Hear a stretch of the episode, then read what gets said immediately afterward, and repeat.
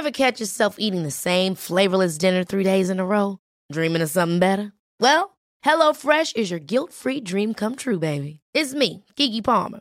Let's wake up those taste buds with hot, juicy pecan-crusted chicken or garlic butter shrimp scampi. Mm. Hello Fresh. Stop dreaming of all the delicious possibilities and dig in at HelloFresh.com. Let's get this dinner party started.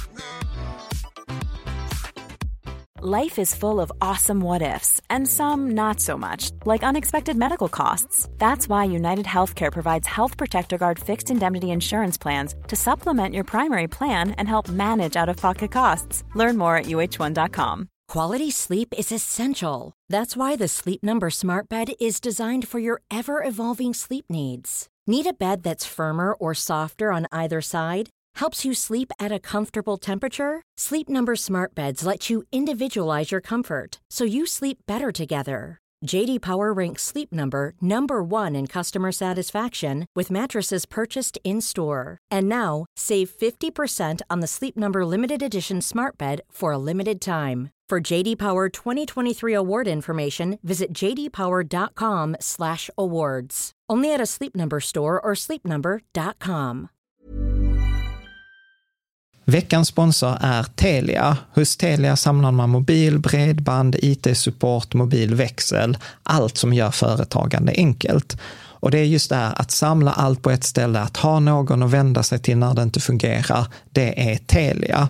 Ett exempel på vad som inte är Telia, det är ju som när jag lyckas boka förmötet för en poddinspelning med Finansinspektionen till efter själva inspelningstillfället.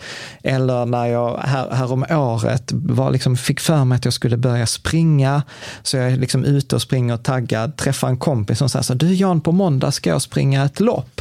Och jag känner så här, ja men det låter inspirerande, så jag käkar pasta, jag byter om, tar mig ner till Malmö stadion för att göra en efteranmälan, står där i kön och sen så när jag liksom anmäler mig så tittar de på mig och säger så här, du Jan, vårhuset är bara till för kvinnor.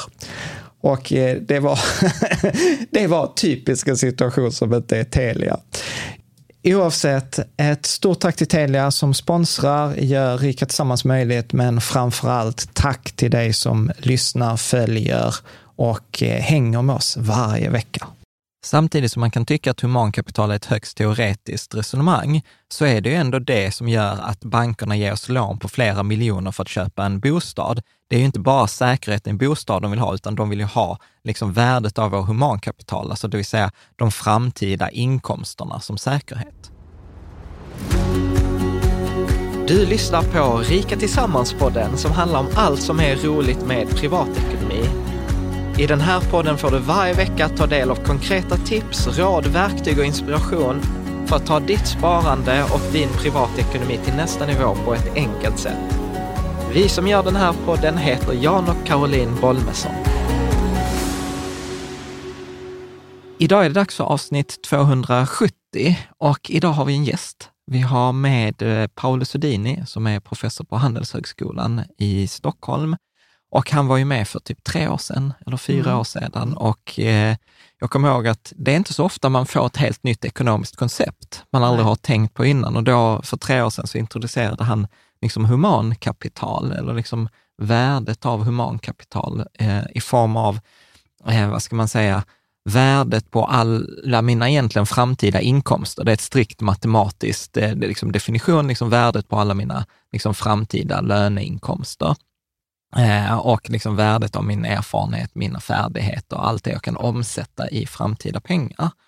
Och eh, det som är intressant, liksom som vi pratar om nu, det är liksom vi tar upp forumets frågor. Vad har man för praktisk nytta av eh, det här i livet? Hur kan man tänka på det kring risk? Till exempel att, ja, men att investera till exempel i, i samma företag som man jobbar i mm. är kanske inte superbra för att då har man eh, liksom inte, liksom, då har man lagt, lagt alla äggen i samma korg, man har inte diversifierat.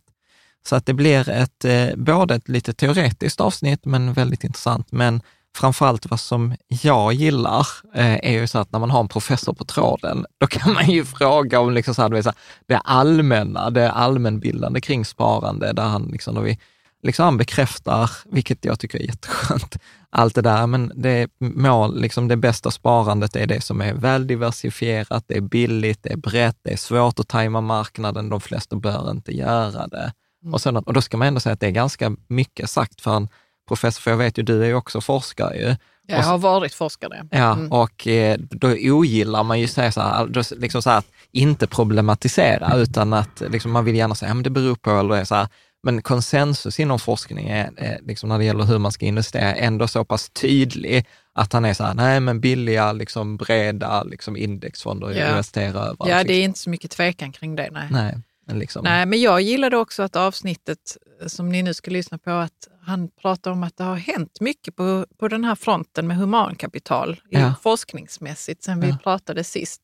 Och det är jättekul. Ja, men eller hur. Eller hur? Bra, så jag tänker att vi behöver nog inte prata så himla mycket mer. Paolo är från Italien, så att avsnittet är på engelska. Så att eh, jag, jag ber om ursäkt i förväg för min dåliga engelska här, att ni får stå ut med det. Eh, där finns en transkribering på engelska på, på bloggen, men vi har liksom inte gjort någon översättning än och ingen dubbning eller något sådant, utan jag tänker att eh, nästa vecka är vi annars tillbaka med ett avsnitt eh, på svenska. Så att liksom, om man tycker att det är jobbigt att lyssna på så kan man läsa det mer på engelska eller bara liksom hoppa mm. eh, avsnittet. Så, att, eh, så ett stort tack och, och, liksom, och jag vill också säga alltid som vanligt, stort tack till dig i Patreon-communityn som stödjer oss, som sponsrar oss, som gör sådana här avsnitt möjliga så att liksom vi kan, vi kan ha de här intervjuerna, vi kan ha det här avsnittet som typ man aldrig hade hört annars. Tänker jag. Så att mm. För dig som vill läsa mer om Patreon-communityn så finns det en länk i beskrivningen och naturligtvis så är det inte bara att liksom så, oh, man sponsrar eller stödjer oss, utan du får liksom också en struktur för din ek ekonomi på liksom årsbasis. Det är typ som en utbildning, du får massa tillfällen. Vi kommer ha träffar i Stockholm och i Malmö nu i, i vinter. Och vi, har ja, och vi har digitala träffar, så att du får en massa annat på köpet också.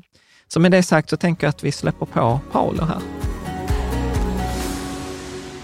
Uh, welcome back, Professor Paolo Sodini. You are a professor at the Stockholm School of Economics, and you're as well the director of the Swedish House of Finance and the Institute of Microdata at SCC and as well as one of the founders of the European Network of Household Finance. And as I've understood it, that your research focuses uh, primarily on asset pricing and household finance. And you have published several papers in top economic journals, and you have a PhD from Massachusetts uh, Institute of Technology, also known as MIT. Yes. So, very welcome. Something you want to add? Thank you. Yeah, I'm not the director of uh, the Swedish House of Finance. That's the only thing that's not true. Ah, sorry about that. Then, then the rest I, is, is correct. yeah, um, I, I, hope that that's okay. But so you you focus uh, primarily on uh, human capital, and that's like the main theme for for this uh, episode. And uh, we've gotten like several uh, questions from our readers, etc. But uh, the, I would like to have like some just for the new listeners, like some common views on like savings and retail? How, how can one think about one's finances, like from the academia view? And mm. I mm-hmm. also want to make sure that like, this is not financial advice. This is just like a discussion, subjective view. And as Caroline said, Caroline has a PhD as well in my biology. Yes. And she said like, we, this is not like a, a, like a defense of PhD defense. This is just like popular, more more illustrerad vetenskap than uh, something else. But as a person coming from academia, what would you say are the most important ideas for someone who's never been like in finance and economics in an academic perspective? What would you say are the most important ideas? You mean like in terms of uh, yeah for, for normal as, as as for investing? Yeah, for a uh, normal uh, how person. How to set up your uh, your how to to save and uh, things like yeah. that. Um, I think, uh, I mean, uh, actually, it's very simple. I mean, there are two things you you have to, or three things I would say you have to do. You have to decide first of all how much should you keep in safe asset versus risky assets. So how much keep uh, in you know uh, safe bonds um, or short-term bond funds, and how much to invest instead in in stocks. If we take like uh, the most popular uh, risky asset class, and um, and that we'll talk a lot about. And human capital has a huge effect on that. Um, But obviously, it depends on your risk attitude. In you know how much risk you're willing to take. It depends. It depends how much money you need for your daily life. You should make sure you have enough liquid um, or money in safe uh, in safe assets that you can use uh, that you need to, so that you can kind of carry on your daily life. Um, and also, if there are some some emergencies, um, you know that you have enough money to to kind of uh, face them. Um, so that's the first thing: how much risk you take to take. And the second one, once you decide uh, the fraction you want to invest in risky assets, I think the recommendation is is always the same: it's diversify, diversify, diversify. Um, and nowadays there are fantastic vehicles through which you can diversify your portfolio. Uh, you can buy, uh, you know, world index funds for a few basis point. Thank God we are out uh, of this world also in Sweden, where you had to invest uh, to pay one and a half, two percent to invest in a in a diversified mutual fund. Um, and uh, um, I would say try to to to focus on mutual funds that are offered by reputable providers because uh, execution in terms of taking down costs and making sure that the fund really follows a diversified index are crucial and worldwide access to trading platform and so on and so forth. So large institutions have those possibilities. And, uh, and then the third thing uh, is rebalance your portfolio. Um, don't try to outguess how the market, uh, what the market will do. Uh, it's extremely difficult to figure out where the market is going, whether it's the right moment to buy or to sell. I would say very, you know, just do it in an automatic way. When when the market goes down, uh, your uh, the share of your investment in risky assets is gonna be is gonna shrink. So bring it up to the share you want to your target. And similarly, when the market is booming, then uh, uh, the share investing in risky assets and stocks will automatically increase simply because they are valued more and more. The market is booming. Take it back to the level that you had, and you can do this regularly like but even if you do it once per year it's going to be it's, it's a big difference. Uh, i would say like every three every three months or something like that. You don't need a lot. Don't don't think about outguessing just use the simple room rule. And then you see it automatically you buy cheap and you sell uh, when things are expensive when things are valued a lot of money which is in a way what you would try to do by outguessing when to buy and to sell. But since it's so difficult to predict where the market is going this simple rule can do get away with with a lot with um, um, will give you a lot uh, um, without sweating and without making big, big mistakes. Don't panic when the market is down. The market is cheap. Okay, and don't be don't don't jump into the market or invest more when it's uh, its uh, valuations are very very high. I mean, you know then there is a, a exuberance and people think things are fantastic, are going up. Well, you know, if they go up, they will go down as well. So, and since it's so difficult to to uh, to forecast, I think the best way is is to use this rebalancing rule. Mm. Um, and I, I, find this very interesting because in academia and for investors that have invested for a long time, it, like everybody agrees on, it's difficult to forecast. You shouldn't outguess the market. But if you then talk to like the finance industry or you talk about a lot of like interested uh, private persons or retail investors, they always like they have almost the opposite view so, mm. wh- wh- why would you say it's so difficult? What makes it so difficult to try to forecast or outguess the market? I mean, uh, uh, there is an enormous amount of volatility. Uh, and so the market goes up and down, uh, you know, uh, tremendously. And to differentiate whether it's just the expression of the uncertainty uh, there is in the market when you see going up and down, or whether there is a trend manifesting itself, I think it's extremely difficult. And I, I mean, you know, I don't. I mean, I think it's uh, it's not something an individual should try to do just by looking at the news. Uh, remember, like whatever you hear, it's public and it's already incorporated in the price li- prices most likely.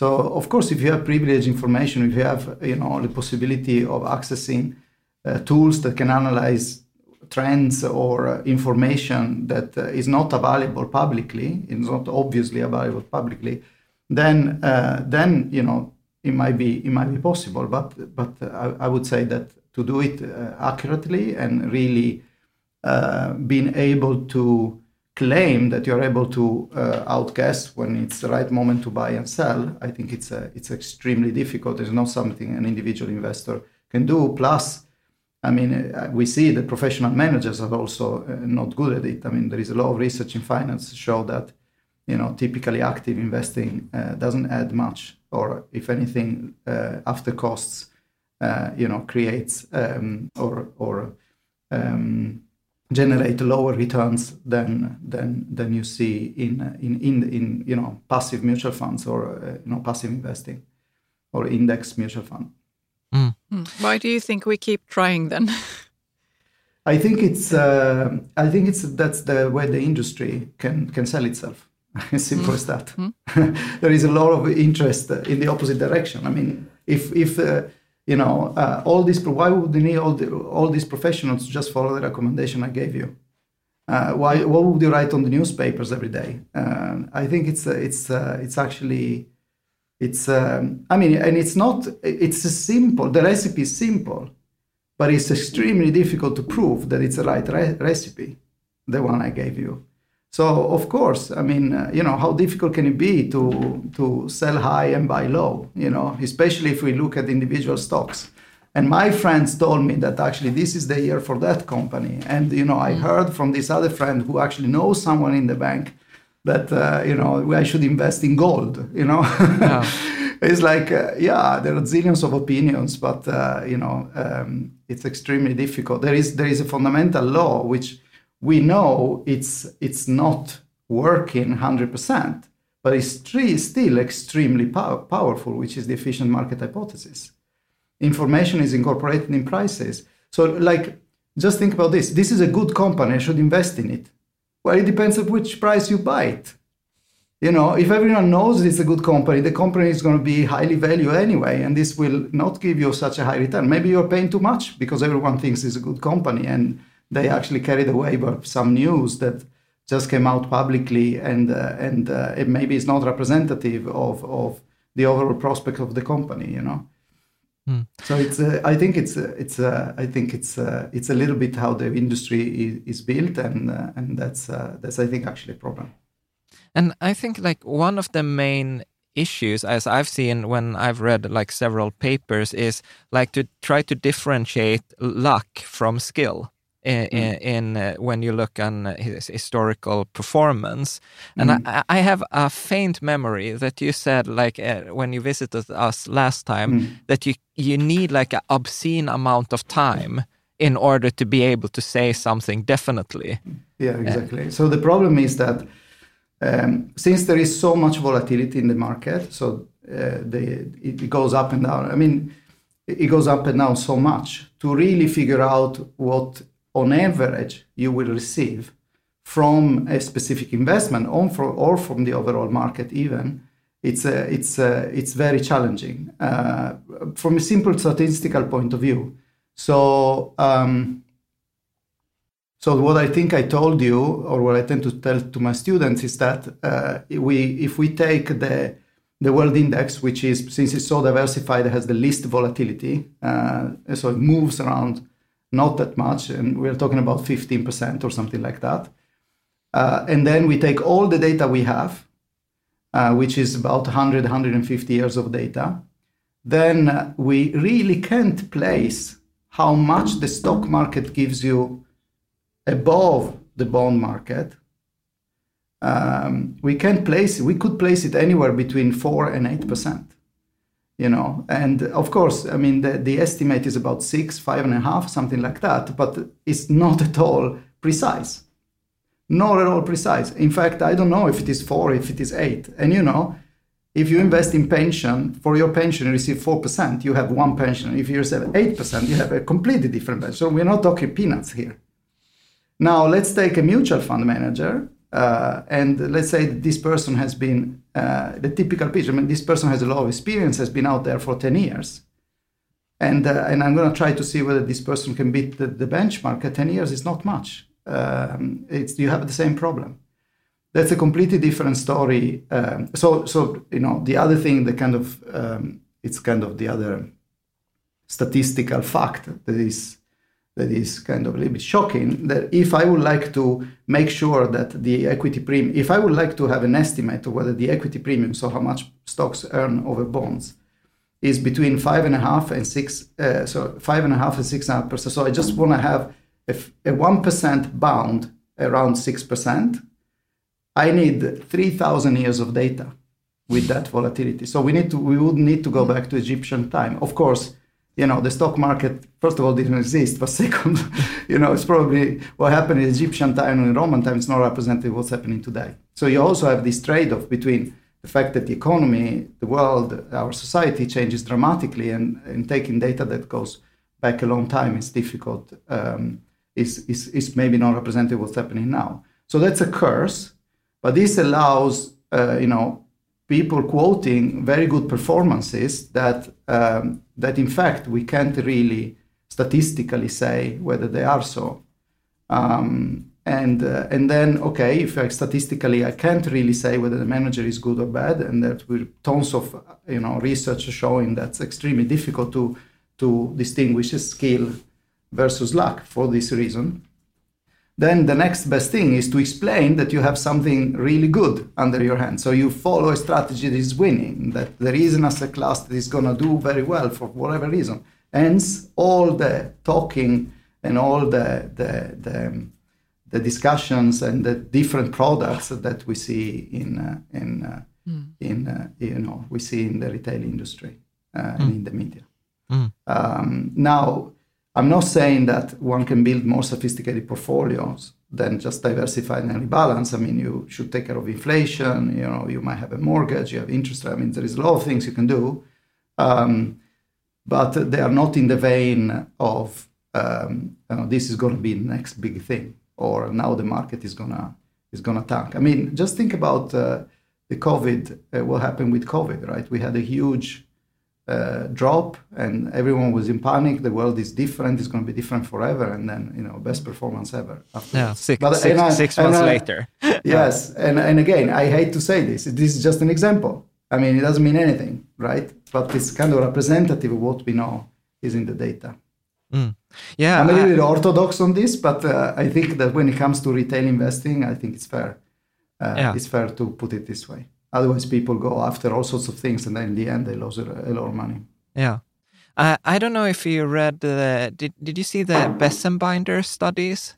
I think uh, it was like some Dutch guy, Dutch uh, professor.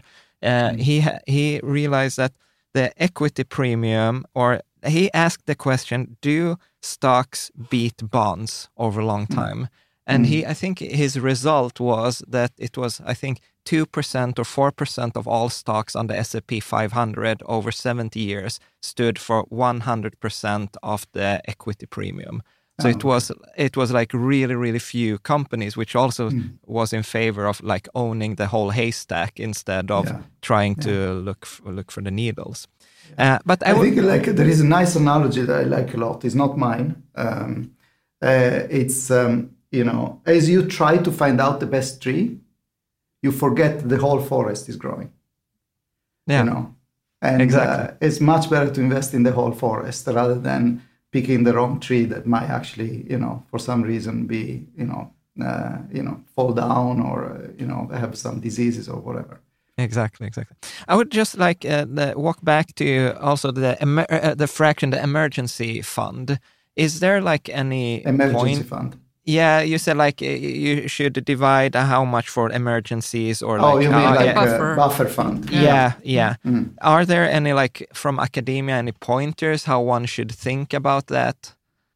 There are there aren't. Uh, yes, I mean, how should you think about that? Yes, uh, like there are two aspects. I would say the first one is um, you you should decide what you what is minimum for you.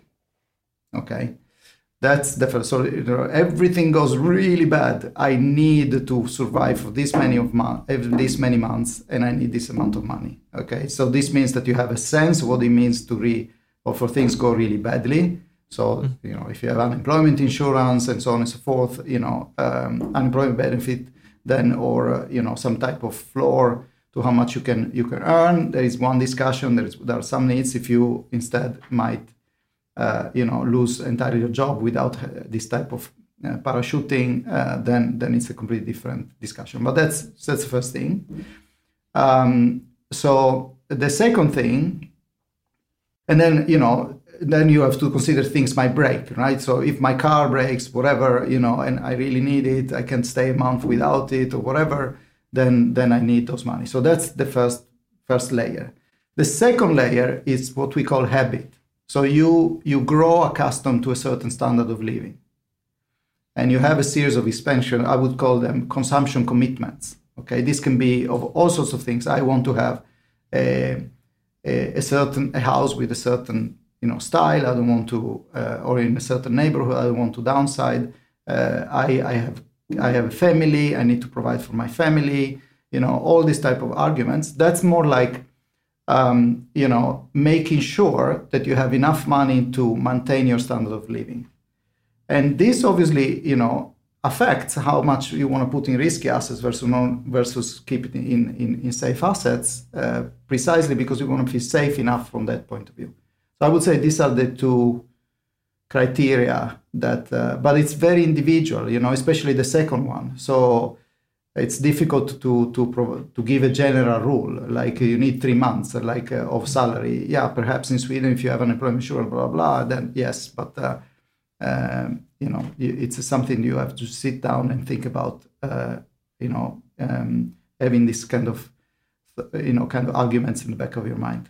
Yeah, yeah, I normally say it's like very different if you're single and a student, or if you have a house and a family and two kids. Exactly, it's exactly. completely different answers. And whether you like to drive, you know, fancy cars, or you you're happy without any, or you have a boat or not, and so forth. Exactly, exactly. Two last questions before we go into human capital. Um, like the as as I understand it, the academia view is like we talked about owning the whole forest. Uh, I got we got two questions uh, from JR and Matthias, and they wonder mm. like, do you have an opinion of assets that are missing like a natural dividend, such as AG gold or commodities or natural resources? Like, would I you mean, count yeah, count them so, into the the efficient market hypothesis? Are they included?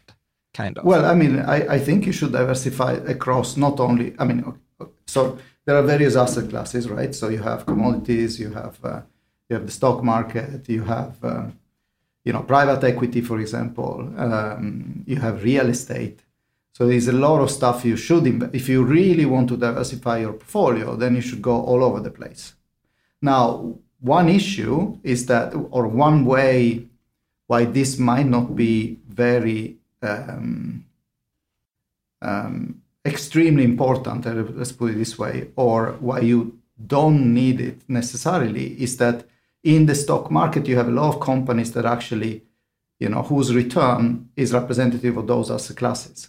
So you have REITs, for example, you have uh, commercial real estate companies, you have uh, oil companies, you have, you know, you know, all sorts of companies that actually rely on prime materials. Um, and so you might want, and, and, similarly, you have investment companies that invest in, in, in private equity. So by investing in the stock market in them, indirectly you you have access to to these other asset classes. So so one might argue that you know as a first step, investing in the stock market is really important. And then the second issue, and, and, and you have access to all this type of stuff through the stock market because companies that actually rely on on on the, on, on, on this on these alternative asset classes or work in those fields. Uh, the second step um, is to decide in which proportion to to put these things together. And then you know the stock market is easy because you have you know companies have a certain market cap that is kind of representative how well they are doing, uh, and there is a market portfolio. So if you just invest in the world index, then you know you have you are kind of um, uh, all set in that sense. When how much should I invest in gold? Uh, you know, it's it becomes difficult to to decide. But also be too precise on um, how much you should invest in each company is, is we know it's um, it's um, I mean, it's not super crucial. This famous paper by Raman Uppal uh, that's uh, that's fascinating, where he just tests the one over n rule. So he takes uh, several asset classes, he defines them in very different ways, and then he builds a portfolio of one over n.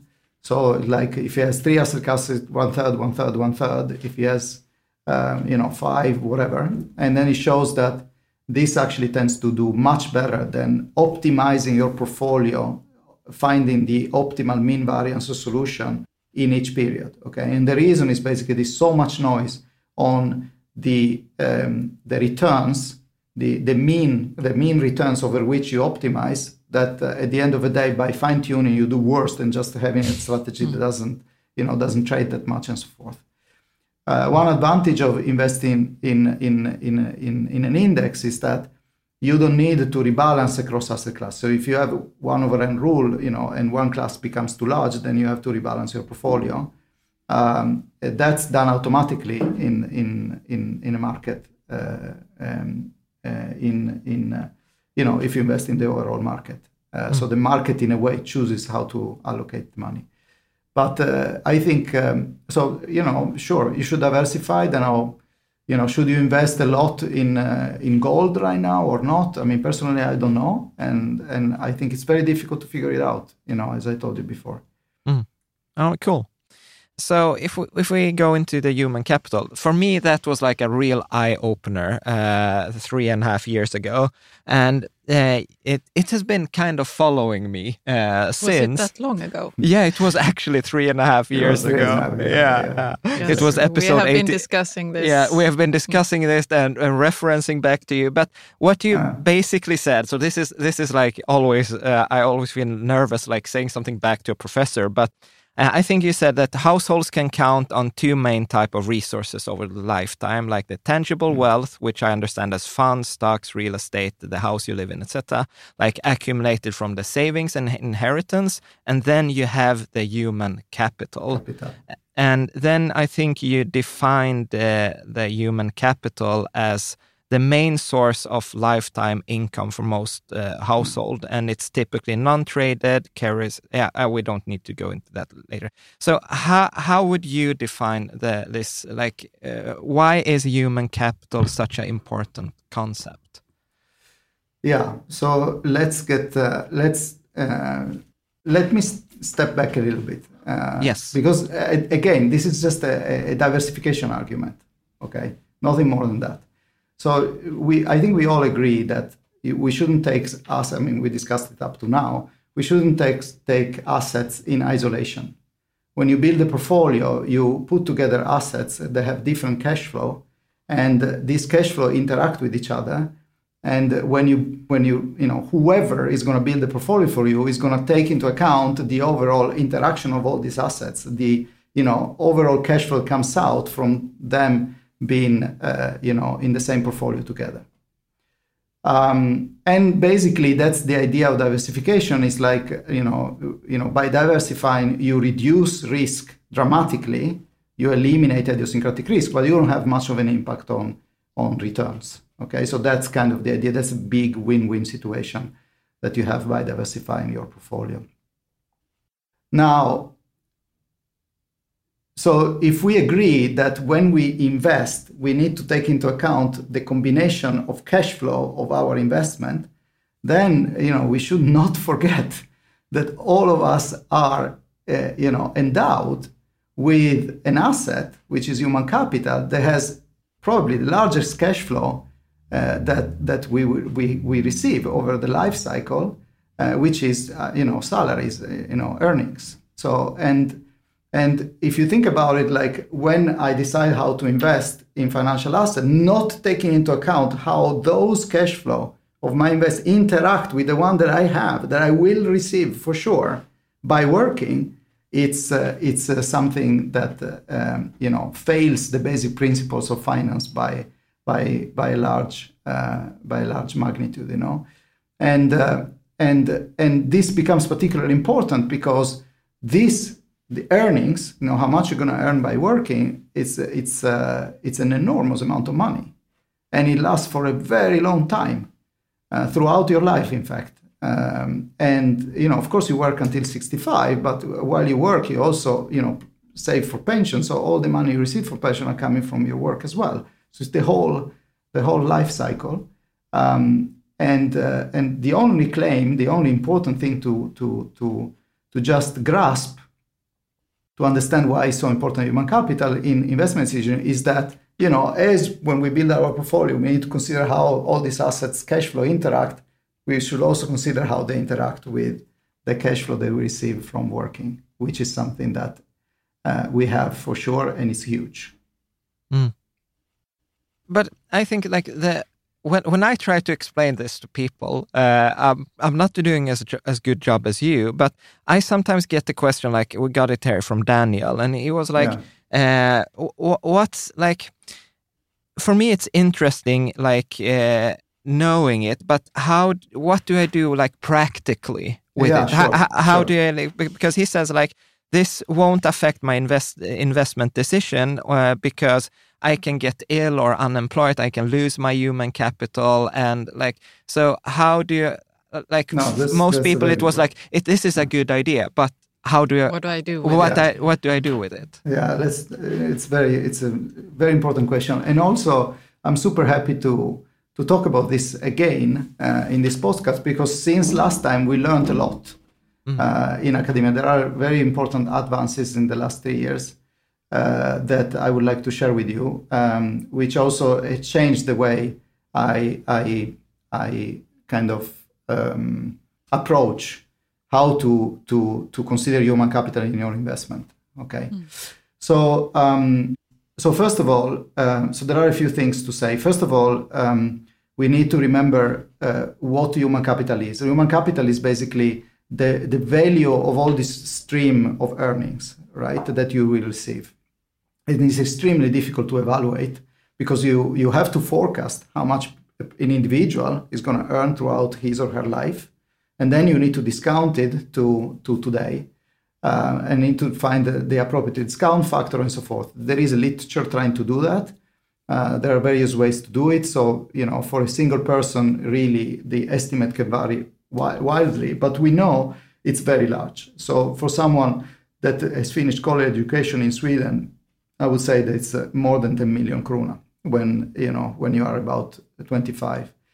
And then uh, even though it's difficult to quantify, so we know it's a lot for most people compared to the liquid assets they have, especially beginning of their career, it's a lot of money. It's a very large asset and naturally because you earn a lot over your life cycle.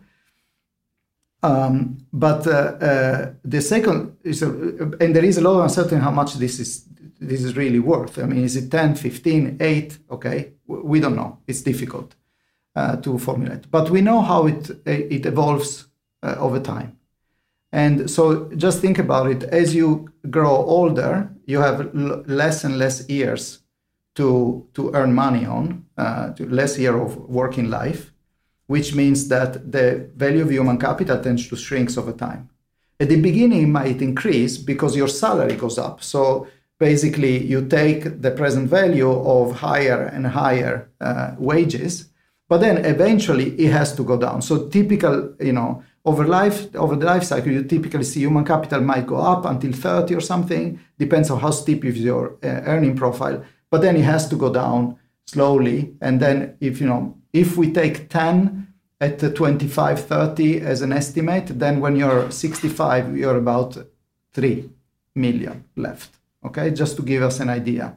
So it's, it's still substantial for a lot of people, even later in life. Uh, but but uh, but we know it has this kind of declining for sure pattern. Can, can I try something on you, Paolo? So this is I've been thinking for this for three years. Okay, so I, I, I because what I try to illustrate this for for our viewers. So I'm going to share a, share a graph. So this is mm-hmm. like very basic, uh, like di- normal discounting, and mm-hmm. I took like a normal Swedish person. Uh, mm-hmm. I'm going to show you this.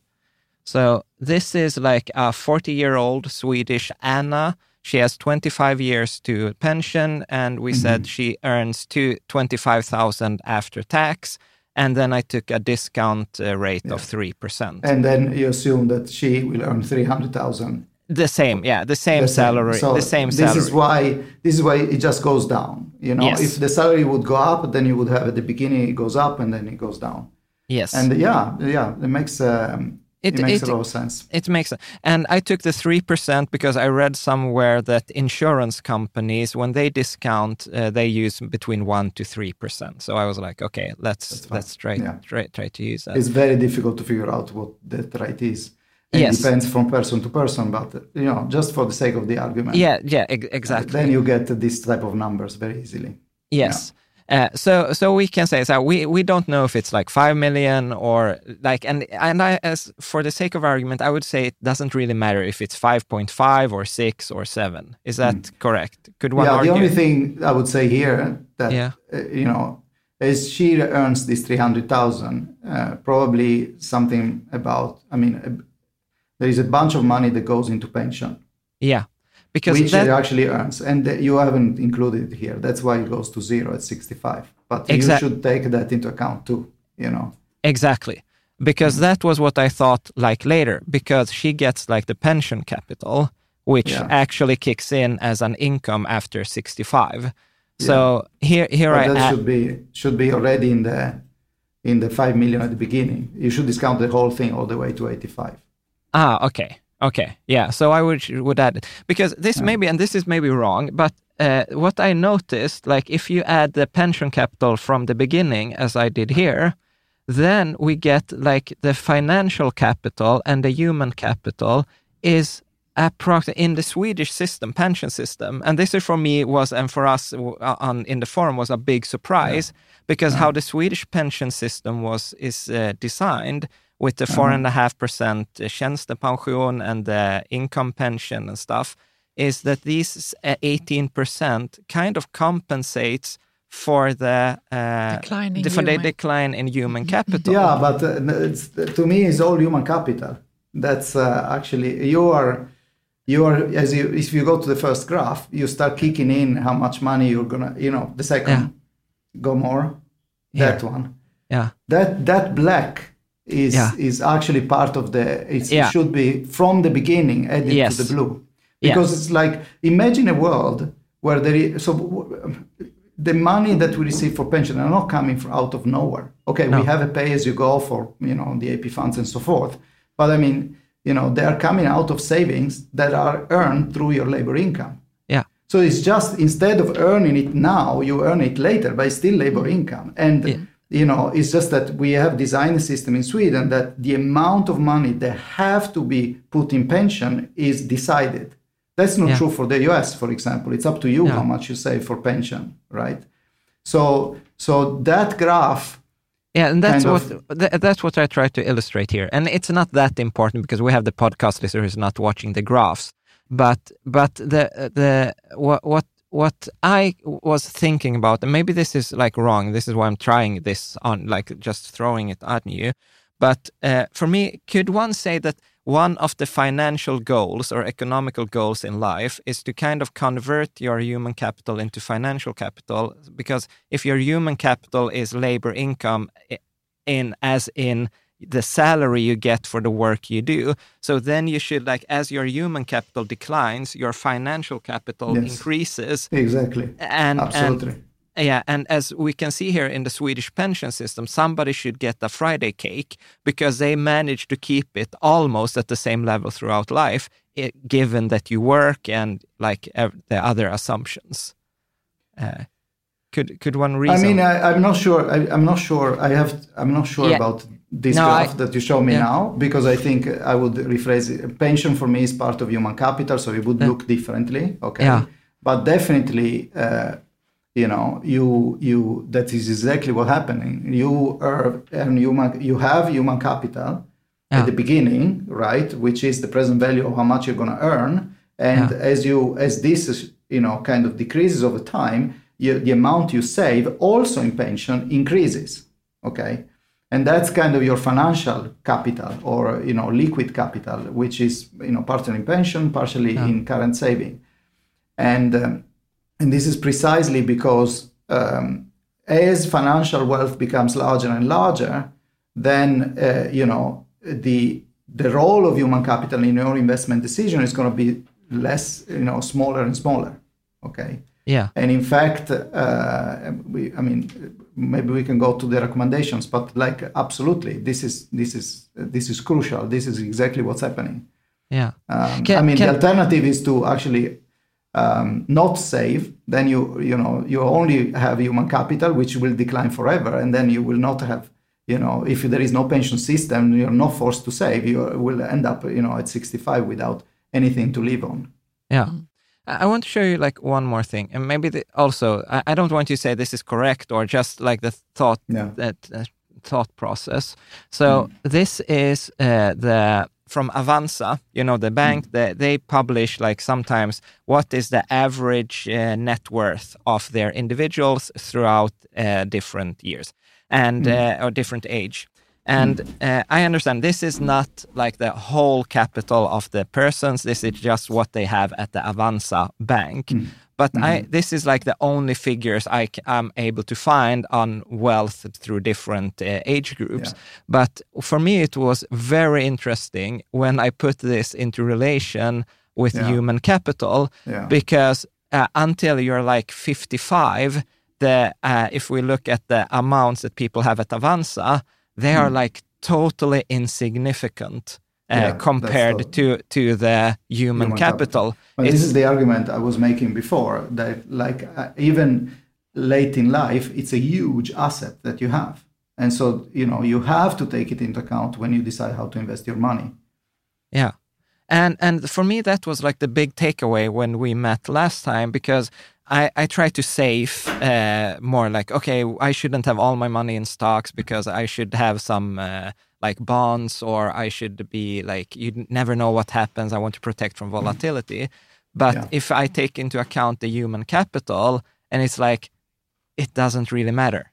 I could have no, like. It's not every... that it doesn't matter because, because eventually, I mean, first of all, if you want to have a, a, some ideas of how uh, much wealth people have over time, um, over the life cycle. Um, uh, we have good statistics back up to 2007. Then, unfortunately, they stopped collecting the data. Uh, and uh, you know, there you have some. I mean, I have some papers on on you know the wealth distribution and stuff. So you can see there, you know, how much money people have. And I think we have some graphs by age as well. At least I show it in, in, in my course. Cool fact a crocodile can't stick out its tongue. Also, you can get health insurance for a month or just under a year in some states. United Healthcare short term insurance plans, underwritten by Golden Rule Insurance Company, offer flexible, budget friendly coverage for you. Learn more at uh1.com. Hold up. What was that? Boring. No flavor. That was as bad as those leftovers you ate all week. Keke Palmer here, and it's time to say hello to something fresh and guilt-free. Hello Fresh. Jazz up dinner with pecan-crusted chicken or garlic butter shrimp scampi. Now that's music to my mouth. Hello Fresh. Let's get this dinner party started. Discover all the delicious possibilities at hellofresh.com. Quality sleep is essential. That's why the Sleep Number Smart Bed is designed for your ever-evolving sleep needs. Need a bed that's firmer or softer on either side? Helps you sleep at a comfortable temperature? Sleep Number Smart Beds let you individualize your comfort so you sleep better together. JD Power ranks Sleep Number number 1 in customer satisfaction with mattresses purchased in-store. And now, save 50% on the Sleep Number limited edition Smart Bed for a limited time. For JD Power 2023 award information, visit jdpower.com/awards. Only at a Sleep Number store or sleepnumber.com. Um, so that's that's one thing. But like as you as your human capital goes down and you save, especially given how much you're forced to save in pension, your financial wealth increases dramatically. And so then you're left only with financial assets, basically okay and uh, um, and this means that you know you know how you invest those money uh, becomes very important later on at the beginning it becomes very simple when you have almost only human capital then the only question you have to ask is like which type of human capital do i have and this will give you guidance on how to invest the little money you have in your financial wealth, which over time will grow. But I would say, like, um, so this is what I was going to go to. Um, the, you know, once we understand the human capital is large, and I think we made this point through your graph and uh, and what I was saying before, and we understand that it declines over time, even though it becomes very, it's still very large in your 50s. Okay. Um, the next question is, you know, what should we do about it? And then the, the, the issue is like, what type of risk does human capital entail? Because this cash flow is not, you know, that you earn it for sure. There is unemployment, there is your career can go well, can go badly. There are all sorts of things that happen. And and how the, the riskiness you have in human capital, how does this affect you know how much you should invest in your tangible assets, your the portfolio you're building, the financial wealth you're accumulating over time. And as this wealth becomes larger and larger, you know, um, obviously human capital becomes less important, but you have to consider the two things together.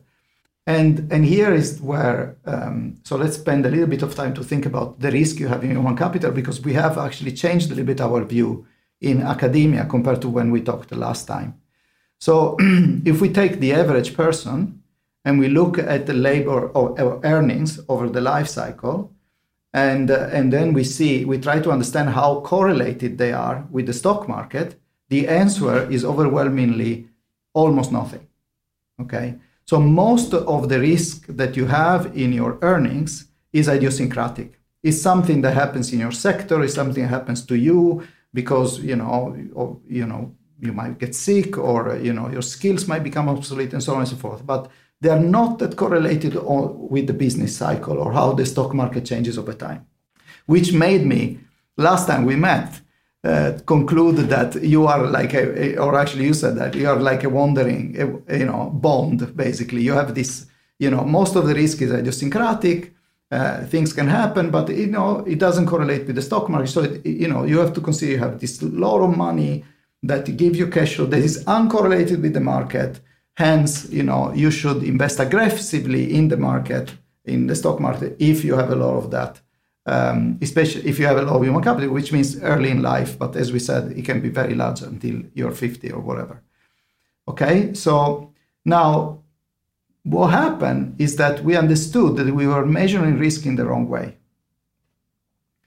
So, and this is also because now we have data, especially in the US, on uh, on wage, very precise data on earnings. The using it wasn't there. We used to have information only from surveys. Now in the US, in Sweden for a long time, we have information on earning. It comes from administrative sources in the US, the tax system, and so you know people could actually you know, look into much more into detail of type of risk that earnings entail, having an enormous amount of observations and so forth, and going back in time for many, many years. And what we find out that actually uh, there is a lot of skewness, we call it in in uh, in the labor market. Okay, which means that when things are, when times are good, you know, more and more people earn a lot. When times are bad, more and more people tend to lose the job even or earn much less. The average doesn't get affected that much, but there is this skewness that moves around in the labor market. And this skewness is highly correlated with the stock market. So, and we call it cyclical skewness. So, uh, what happens is that, I mean, in a very, in very simple term, this is a little bit academia in a nutshell. You know, it took us forever to arrive to an obvious conclusion. It's like basically when the stock market goes down or when the business cycle eh, eh, is like there is there is a um, you know when the business cycle is bad then we see a lot of unemployment okay? So that's called right skewness all right? And when the stock market goes well we see you know people actually a bunch of people earning a lot of money okay? More and more people earning a lot of money. So there is this and this type of risk moves a lot with the stock market okay? And in our models, we were not considering it. We were not considering cyclical skewness uh, or the fact that skewness in the stock in the, in the labor market and how the resources are redistributed in the labor market move a lot with the with the stock market and with the business cycle. Um, we did not consider that we were just taking the correlation, but the correlation takes the average guy, and the average guy actually is not that affected. Okay, so it's really it was just a, a different way of thinking uh, of thinking about risk. Uh, it's a little bit obvious exposed, but it's but, always uh, in hindsight. yeah, it's always in hindsight. And then uh, Sylvain Catherine uh, wrote a, a, a model uh, uh, where you try to find out what is the optimal behavior uh, of your how you should invest once you consider taking into account cyclical skewness, this this new source of risk that we discover and this has devastating effects. Then, then you're not anymore a, a wandering bond. So when you're on average, when you're young, you shouldn't be as aggressive because actually there is quite a bit of cyclical skewness going around. But especially what is important is that this cyclical skewness changes dramatically from one sector to the other. So the construction sector, for example, it's almost obvious it has a lot of cyclical skewness. The public sector, none. Mm. So you're not a wandering bond if you are in, the construction, construction. Yeah. And you are a wandering bond if you if you are in the public sector. Okay. So that's the, the way you should think. So basically, you know, now if you have a lot of human capital, and human capital is very risky in the sense that I told you, then you shouldn't be as aggressive in investing in stock market when you're young. Okay. And similarly, at the same time, if you are in the public sector, in a sector that is very stable, uh, there isn't much unemployment going back and forth, and depending on what happens in the business cycle, then you should uh, you should you can definitely you know uh, once you've taken care of your buffer, you know invest aggressively in the stock market because this human capital you're sitting on it's very very safe and uh, and uh, and you should. Um, and so would, would prompt you to invest aggressively in financial wealth you know, of course, as human capital goes down, the bond part of your total wealth goes down, and so you should reduce your investment in risky asset in the financial part of it. Okay, even if you're wandering bond.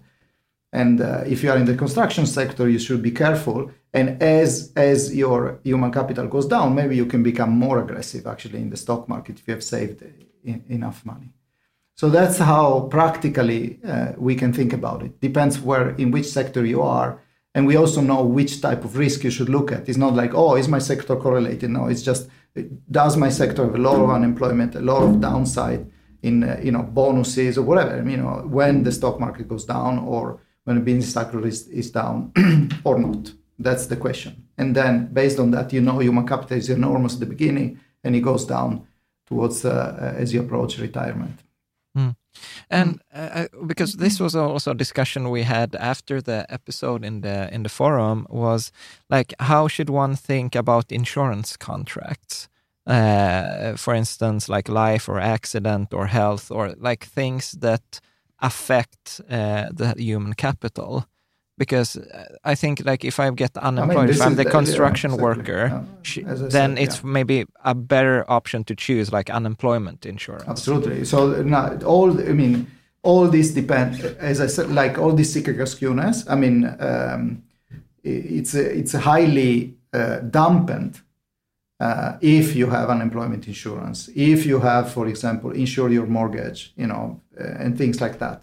And the more seeking experience you have in your sector, the more you should, you know, cater to this type of insurances. Um, in order precisely to make you, it's going to make you my capital safer, and then we go back to the wandering bond, you know.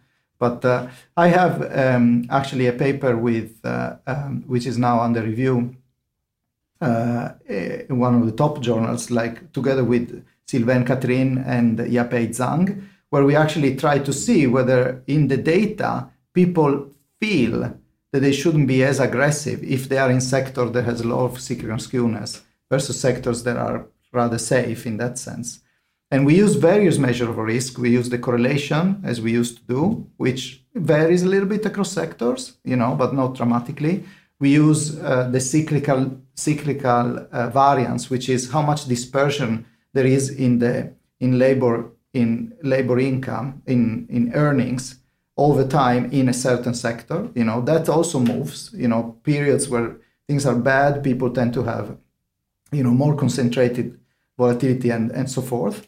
Uh, and then and then we use cyclical skewness. We find that actually cyclical skewness has an enormous effect on the probability that people participate in the stock market uh, in uh, in a certain sector. So if you are in a sector which is has low cyclical skewness, then um, you know, or people that are in sector in Sweden, they actually tend to invest less uh, in the stock market as we would have predicted. And I think it makes sense because you have a sense that you're sitting on something that your your earnings are not as safe as if you would be in the public sector, and and then this prompts you to to take less risk on the stock market. Um, mm. So it seems actually people have gotten this, so now we have it also aligned with uh, with academia. Mm. Mm. But uh, how do you know which sector you're in? Like if it's a construction, yeah. manufacturing. Yeah, I think it's a you know um, actually we, we are writing, we're revising the paper, and we're going to make a, a, the list we have uh, of the sectors. It's like uh, 13 sectors plus times three times. So It's you have to think also your level of education. Mm. So it's uh, depending on your level of education, different sectors you're exposed to different levels of risk. Um, so you can be in a very safe sector, but if you have a high uh, managerial position, actually you might, you know, be, ah, be yeah. fired very easily, mm. uh, and so on and so forth. Uh, so I don't have a, a list, but you know, mm. but, but all the that parents that tell their kids to to uh, safe go safe and, and become a doctor or, or a, teacher, dentist, uh, they were right all along.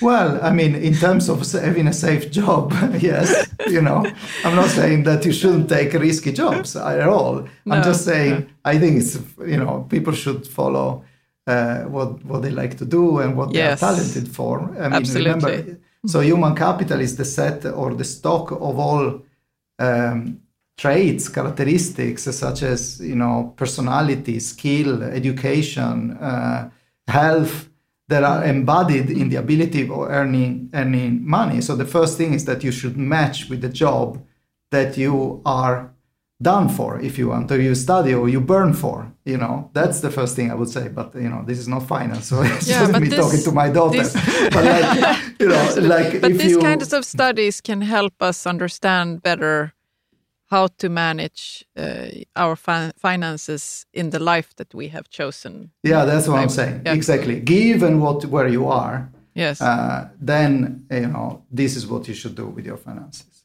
Uh, and this is another thing about human capital. You know, it's it doesn't strike as an asset because it doesn't have a price, and in fact, there is no market for. It. That's why it's so difficult to value it, right? So, uh, in, in a large part, you're stuck with it and if you want the price to acquire human capital, what is it? It's not really that you pay money. Yeah, you might pay tuition. You know, in, in the United States, for example, you have to pay a lot of money to get a good education. But it's through your education, it's through your uh, learning on the job, it's through you know how curious you are when you work and so on and so forth. So it's like very intangible how you acquire it. The price is in terms of what you didn't do otherwise. It's in terms of opportunity cost. But uh, um, compared to other assets where you just pay a price. You buy a house, you pay, and you get the house. You buy a, a stock, you pay, you get the stock. But in terms of providing you with a cash flow, which is the longest we have in our life cycle, it's exactly like any other asset, and that yeah. has to be considered when you when you invest. And and I and I've thought about it like f- for these years because what I just uh, thought of once was that, for instance, if you go to to a bank and to get a mortgage, then they look at your human capital. They don't say it that yeah, we are we are valuing your human capital, yeah, but they ask they you like, do you have a steady employment? What is your salary? Exactly. And they have your cost. So they exactly. actually do the calculations. So yeah, so because the reason why you can take that mortgage is that you have this cash flow that is going to pay service in it over time. And yeah. for them, it's crucial to know that you have that. And then on top of it, you have collateral, right? So that's another thing. So human capital it's difficult to collateralize. Uh, I think the only setting in which you do is when you take a student loan. Um, but apart from that, you need other collateral, right? But yeah. you do have that human capital, and and the world is not collapsing even though we are sitting in a lot of debt precisely for that reason yeah know? exactly exactly mm. I, I, I read somewhere like 4000 years ago you could collateralize it then you get to like into slave labor or if you didn't pay yeah, your debts there would be there would be there would be if you could sell your human capital at once there would be there would be kind of you know close to slavery yeah, yeah. that's that's uh, that's that's a problem and but there are also like it would be fantastic to have a market, if you want. And there is a beautiful book by Shiller actually, on missing markets. And he talks about whether it would be possible to create market for for for labor income in a way, you know, for this missing. So why don't we?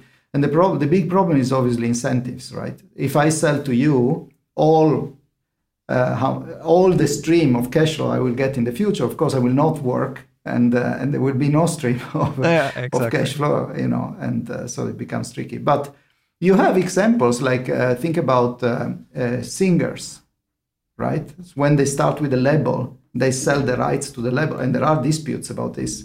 They, you know, the, the label has, has the right to, to all their earnings or a big chunk of it going forward, which is basically their human capital, you know. Mm, exactly. Or uh, think about the football players, you know, then you have contracts, you know, of that type of, you know. Exactly, exactly. Uh, a, a, common misconception, and this is like one of the most like com- most common arguments uh, when when I talk about human capital, is that I kind of uh, feel that some people mix up human capital with their self worth.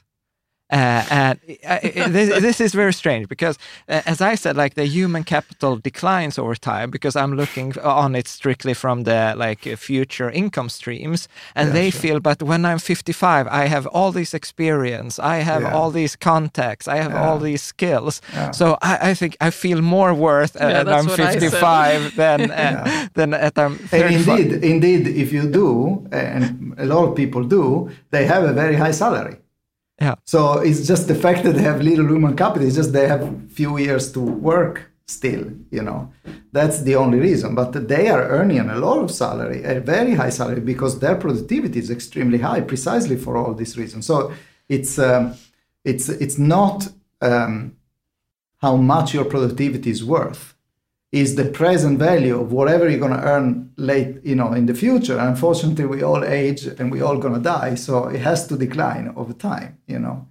Yeah. Um, but I think it's also, uh, I think that with with aging, I mean, this is more a personal comment. Like with aging, uh, you know, with with you know with um, um, like life expectancy increasing dramatically and also us being more and more aware of the type of skills that you can develop over your life cycle. So when you're young, you have a lot of analytical skills. When you are in your 50s, then you have more uh, an ability to synthesize, to, to summarize, to communicate, and things like that. Uh, I think as we are more aware of that, we can also make the best uh, of our, uh, you know, of our skills over time and which you know for a lot of people means they don't need to retire that early i mean i mm-hmm. personally really not looking forward to retire at 65 you know um, and that's that's uh, that's that's uh, that's still human capital is going to decline but you might have a lot of money because you're very very uh, useful and and you're worth yeah. a lot for society you know yeah mm-hmm. Yeah, and I always try to like do, do not mix up that. This is like a strictly financial definition, but it, it's yeah. funny how how people like, like were protesting about the yeah. concept mm. due to that. I feel it's a little bit provocative. I, I, have the same. It's it's provocative. It's provocative because you talk of human capital, and then you, you know, I, I agree. It's but uh, we have to really um, just think about you know um, the the you know how much what is the value now of all the earnings you still yeah. gonna generate as you yeah. as you age? And yeah. this includes deferred earning which is pension. Um, that's and and that's the right concept to think and and the riskiness of that cash flow uh, hence the, of the value of human capital now. These are the right concept to consider when you when you think about investing that's all. Yeah uh, I think we're gonna uh, like wind down. We have just uh, a few few more questions. So, uh, this is like also like can a bit off topic, but this has been like a big discussion, which for me is mm. kind of related to human capital. And mm-hmm. it was actually a book written by an author, Bill Perkins, and he said he had a, like a concept which was like die with zero. And he said that we're a lot of like accumulating these financial assets. And if you look at the graphs like on net worth, it kind of tends to increase over time until you die. Like, and we had this discussion with my mom, who's 70, and she's still saving. And I was like, You're 70, you have your pension, you have your house without a mortgage. What are you saving Enjoy for? Life. Yeah, yeah exactly. exactly. uh, and uh, uh, do, is, do you know if there's some like view in academia on this? Yeah, sure. Uh, Absolutely. Yeah, of course there is. So, okay. I mean, okay, so why why would you leave money on the table? you know, once you're gone.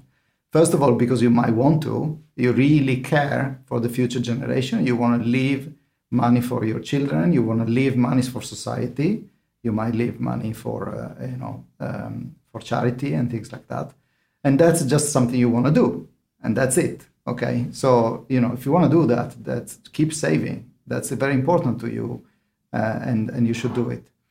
Uh, now, if we take this away uh, completely, if we take that part of saving away, then uh, then really you you should you should only save for the consumption you're going to get yourself.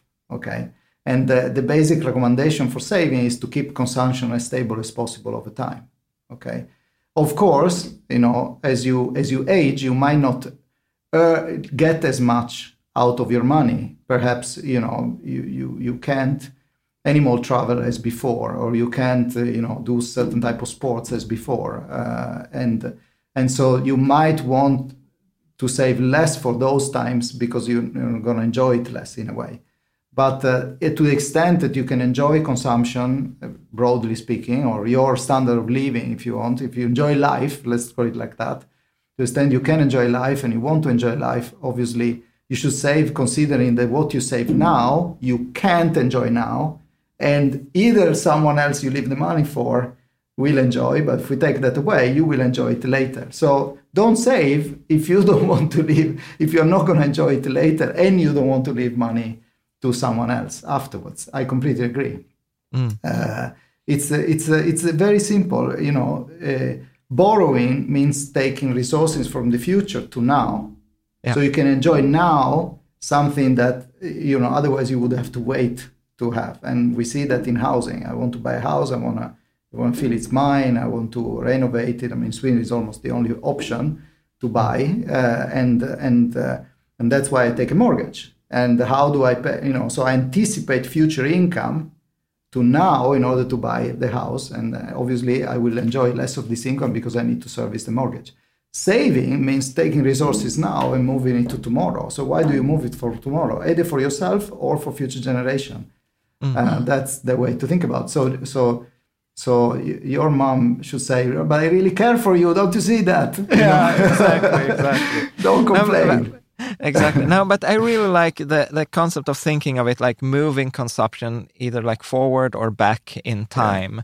because yeah. Uh, I so like I don't know if this is like getting older and getting more experience, but like a couple of years ago, I always said like you should save, you should save this uh, percentage or uh, sometimes, and then I realized like for a young people, for a young person that's gonna make more money in the future, like saving yeah. now is kind of stupid yeah. because it's like taking yeah. money when you don't have them to give it to yourself in the future when you have a lot of money. It's kind of like Robin Hood, but the other way around, taking from the poor to give to the rich, and, and it should right. be like the other the other way around. Yeah, I completely agree. I think that uh, uh, I think that um, you know we shouldn't be scared of borrowing um, mm.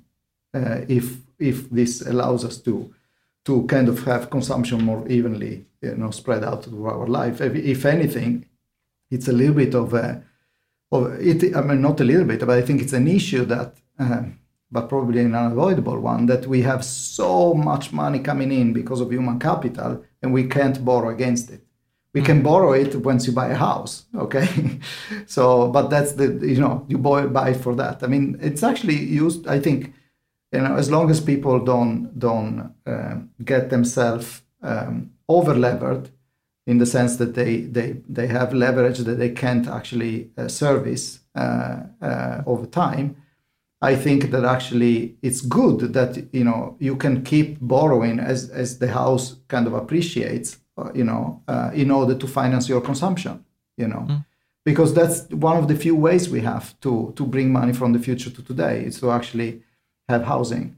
Mm. Is it a certain type of consumption you're talking about, like experiences, or is it like any any kind? That is really up to you. That yeah. is really mm. up to you. I think that's that's um, when you have so so much life in you and so much energy and you're young and uh, having to wait another 30 years before you know doing the trip of your life or whatever it's a little bit of a pity you know mm. yeah um, exactly and yeah. It, i think it, it, maybe the way around the way to maybe we don't know enough about um, you know labor i think there is yeah, we're we're learning a lot about labor income profiles. We call it. It's like how labor income evolves over the lifestyle, which characteristic, which risk it has. How should we think about it? There is is coming. There is a lot of research coming out right now because we have so much data. Perhaps if we have a better sense of labor income over the life cycle, then it might become easier to lend to people just out of that, you know, and so they could anticipate consumption. I think it would be useful um, and, and, probably at a rate that are less more reasonable than you know credit cards you know rates that are you know through the roof and they becomes extremely expensive mm. You know. Mm, exactly. Yeah. uh, also just a side note this was a comment from a user in the forum pareto. He, he said that one could also that he after the episode he started to thinking about like exchanging like these different kind of capitals between each other. He said like look uh, everybody can do like a human capital for financial capital. We call that a job but then you can choose like financial capital for human capital like which is an education so you can invest in your human capital yes. by paying uh, your financial capital. Absolutely. And then you can get financial capital to social capital. Like uh, I can pay for not going to the job to go to this course, and then I'm going to meet people there, which increases my human capital, uh, which can Absolutely. increase my human capital. I, I love that. I love that. I think it's, it's, it's exactly the right way to think about it. And actually, uh, one thing that I, I think it's, it's really uh, one people should think about, especially in Sweden, is that you can always go back to school and you don't need to pay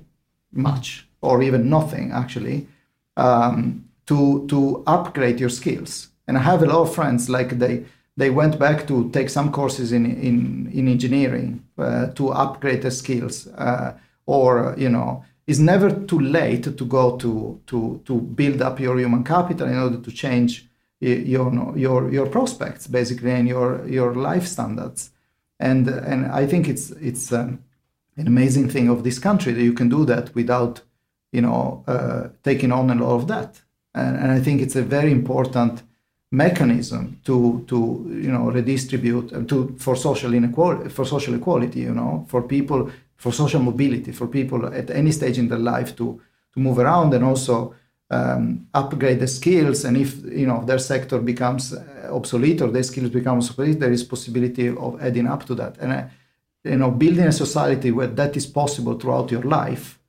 it's it's uh, it's uh, it's extremely important. Uh, whereas when when you can do that only by you know borrowing like crazy or investing or you know you know or when it's only available to people that have means Mm. I think that's a, that's a, that's a huge problem. And if anything, mm. you know, we should we should think about that and, and you know improve that opportunity even more. Mm. Yeah, but there I mean, are, nowadays, uh, when I think about when I started to work, you kind of had this kind of idea coming mostly from my parents. You you get your job, you keep it for your life. You know, I mean, I think kids right now, they, uh, there is no such a thing for sure, right? Mm. So you you you will change zillions of jobs. Things change so quickly, and you constantly have to inform yourself and by the way, you have also a possibility of informing yourself, of learning a lot through the internet and so forth. But the problem is like there's so such a vast multitude, it's difficult to choose what is mm. right and what is wrong, what is true and what is false. Mm, mm. Exactly. Mm. Exactly. Yeah, I was thinking about this social uh, mobility. Uh, yes. Inequality. No, the social capital that yeah. you incorporate yeah. into your human capital. You mm. don't even have to uh, pay for it sometimes, as you said with the education in Sweden. I mean, you can uh, enroll in some um, charity, um, or I'm going to into Scouts now, for example, and I'm getting I'm getting all these uh, resources. Yeah, and um, I meet a lot of people and so mm. on. And I wasn't thinking very much about this for you know um, from this perspective.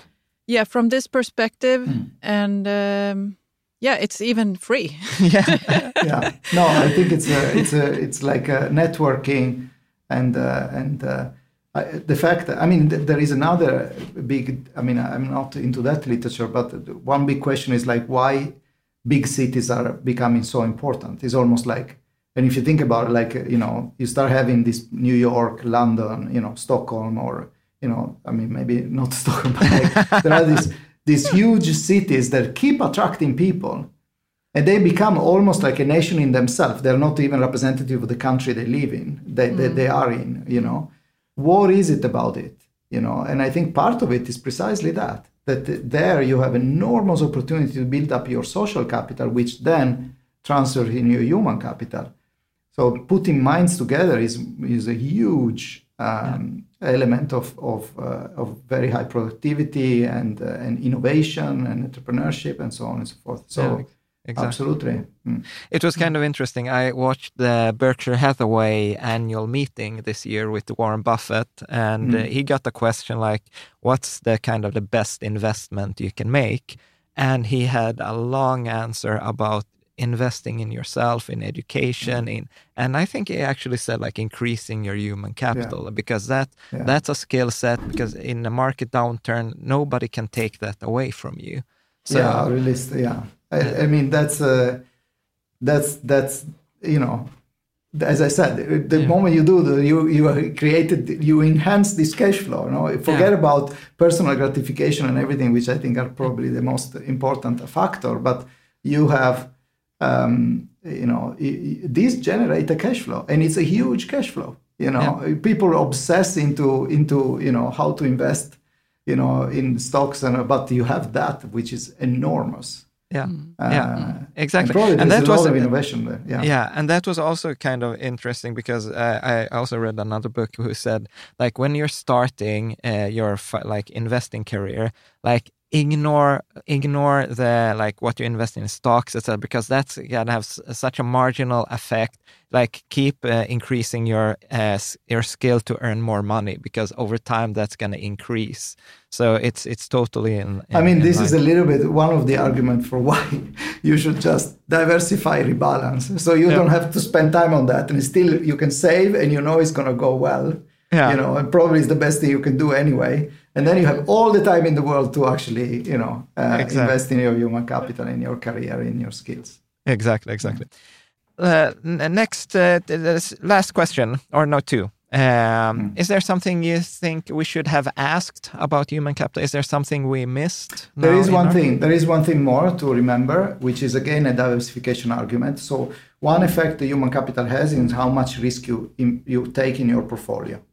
Okay, so uh, whether you, you invest in stocks at all, uh, even. Okay. Mm. Um, and that depends on the nature of this. At least our best guess right now is uh, cyclical skewness seems to be very important.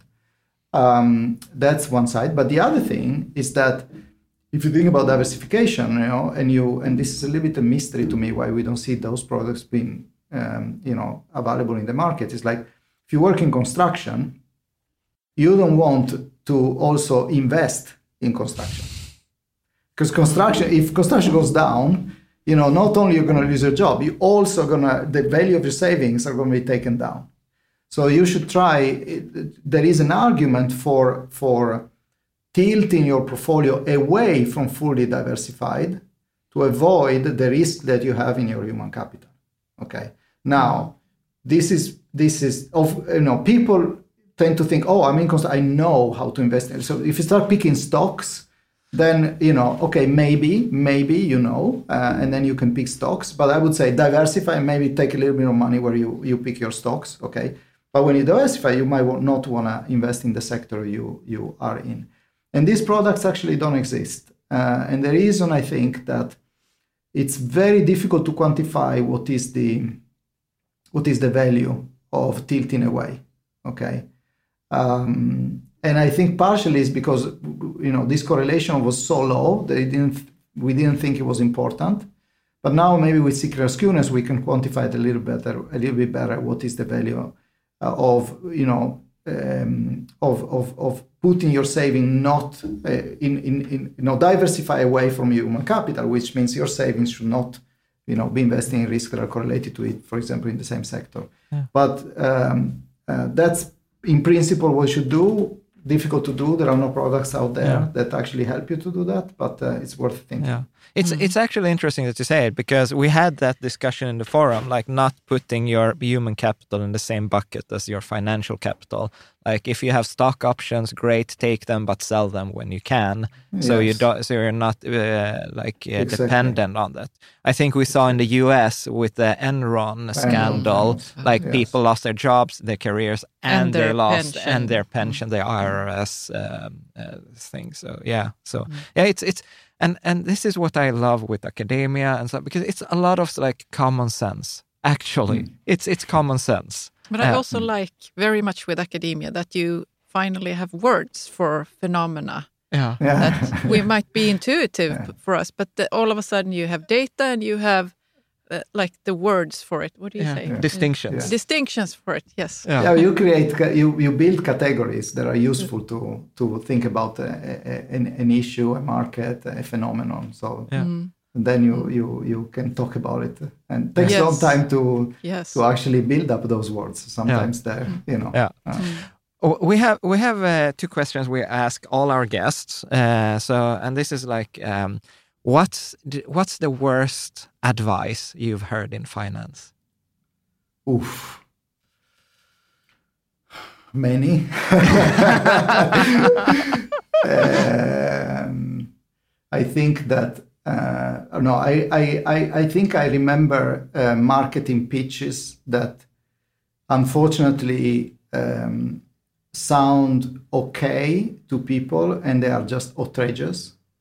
Such as, for example, once a colleague of mine, she- was deciding to, not, I mean, not a colleague, well, not a colleague in the sense of another professor, but uh, someone I know. Uh, she she was deciding how to invest some money, and then she she she was super happy about the type of funds uh, she got because they would cost 50, 50 basis only 50 basis point per quarter, which means two percent per year. That's kind of. Yeah, Okay, and she was so proud of that. You know? yeah, yeah. Okay. Yeah. So But- just to give you an idea, uh, that's this just it's it just uh, for me it's just uh, outrageous. unbelievable, outrageous. Exactly. Exactly. If if you would recommend a book, what's your favorite? And it doesn't need to be a finance book or academia book. Uh, it can be whatever. Uh, oof, that's a tough one. Um, that's a tough one actually. But I think like uh, one book that is very inspirational, and given the times we live in, um, I think uh, it, it might actually generate incredible um, innovations in the in the in the social media type of thing, or uh, you know, kind of mm, app or startup, like uh, uh, you know, in terms. I think it's the book of Shiller. Uh, now I don't remember the the missing markets. I think it's called. Uh, maybe I can send you. We can put it on the podcast. Yeah. It's a beautiful, inspirational book about the fact that, if anything, we don't have enough markets. Okay, and the question is, is is I think it's fascinating to me that. So if you think about I mean, and that's one of the reasons why I like financial markets and I study them. Is like financial markets is one of the social constructs we we have, uh, or institutions, social institutions we have devised in order to share risk. You know, entrepreneurs come in with ideas, they need money, they sell you stocks or you lend to them. You know, at the end of the day, they share the risk of their idea with you. That's what really financial markets are about. You know, there are also insurance markets and so on and so forth, but financial markets are a bit, from from from an academic point of view, purely are about sharing risk. Um, and and and unfortunately, instead, we think a lot only of them in terms of speculation or you know how much money you make and so forth. But at the end of the day, it's a way of sharing risk, and and that's why you earn a return because you take risk of someone else. You know, and uh, and they are an amazing institution because this risk is valued okay constantly. And, uh, and there is a price for it. You know how much you invest and so forth. How much how you know um, at, at how much you invest and so forth and and and one question if you think about it it's like we live in in a society with so many types of risks for which there are no markets okay and the question is why and could this market be created in a smart way I think that's fascinating. And that's up for grab, and a little bit that book can can be inspirational in that sense. Mm, Cool. I, I've Yeah. I've actually missed that totally. I and is it, it's the same check Rob? it. Is it the same Robert Shiller with the data? yes, yes, yeah. Nobel Prize winner, absolutely. Yeah, it's ah cool. Um, I'm gonna Yes. I'm gonna buy it. Paolo, thank you thank you for sharing your knowledge. Thank you for taking the time and uh, like uh, talking to us, uh, explaining human capital and uh, like uh, the the academia view. I really, really appreciate it, and I know I talk for a lot of listeners uh, because mm. like your episode has been one of the most popular. So thanks okay, again. You. That's fantastic. Thank you for having me. My thank pleasure. you.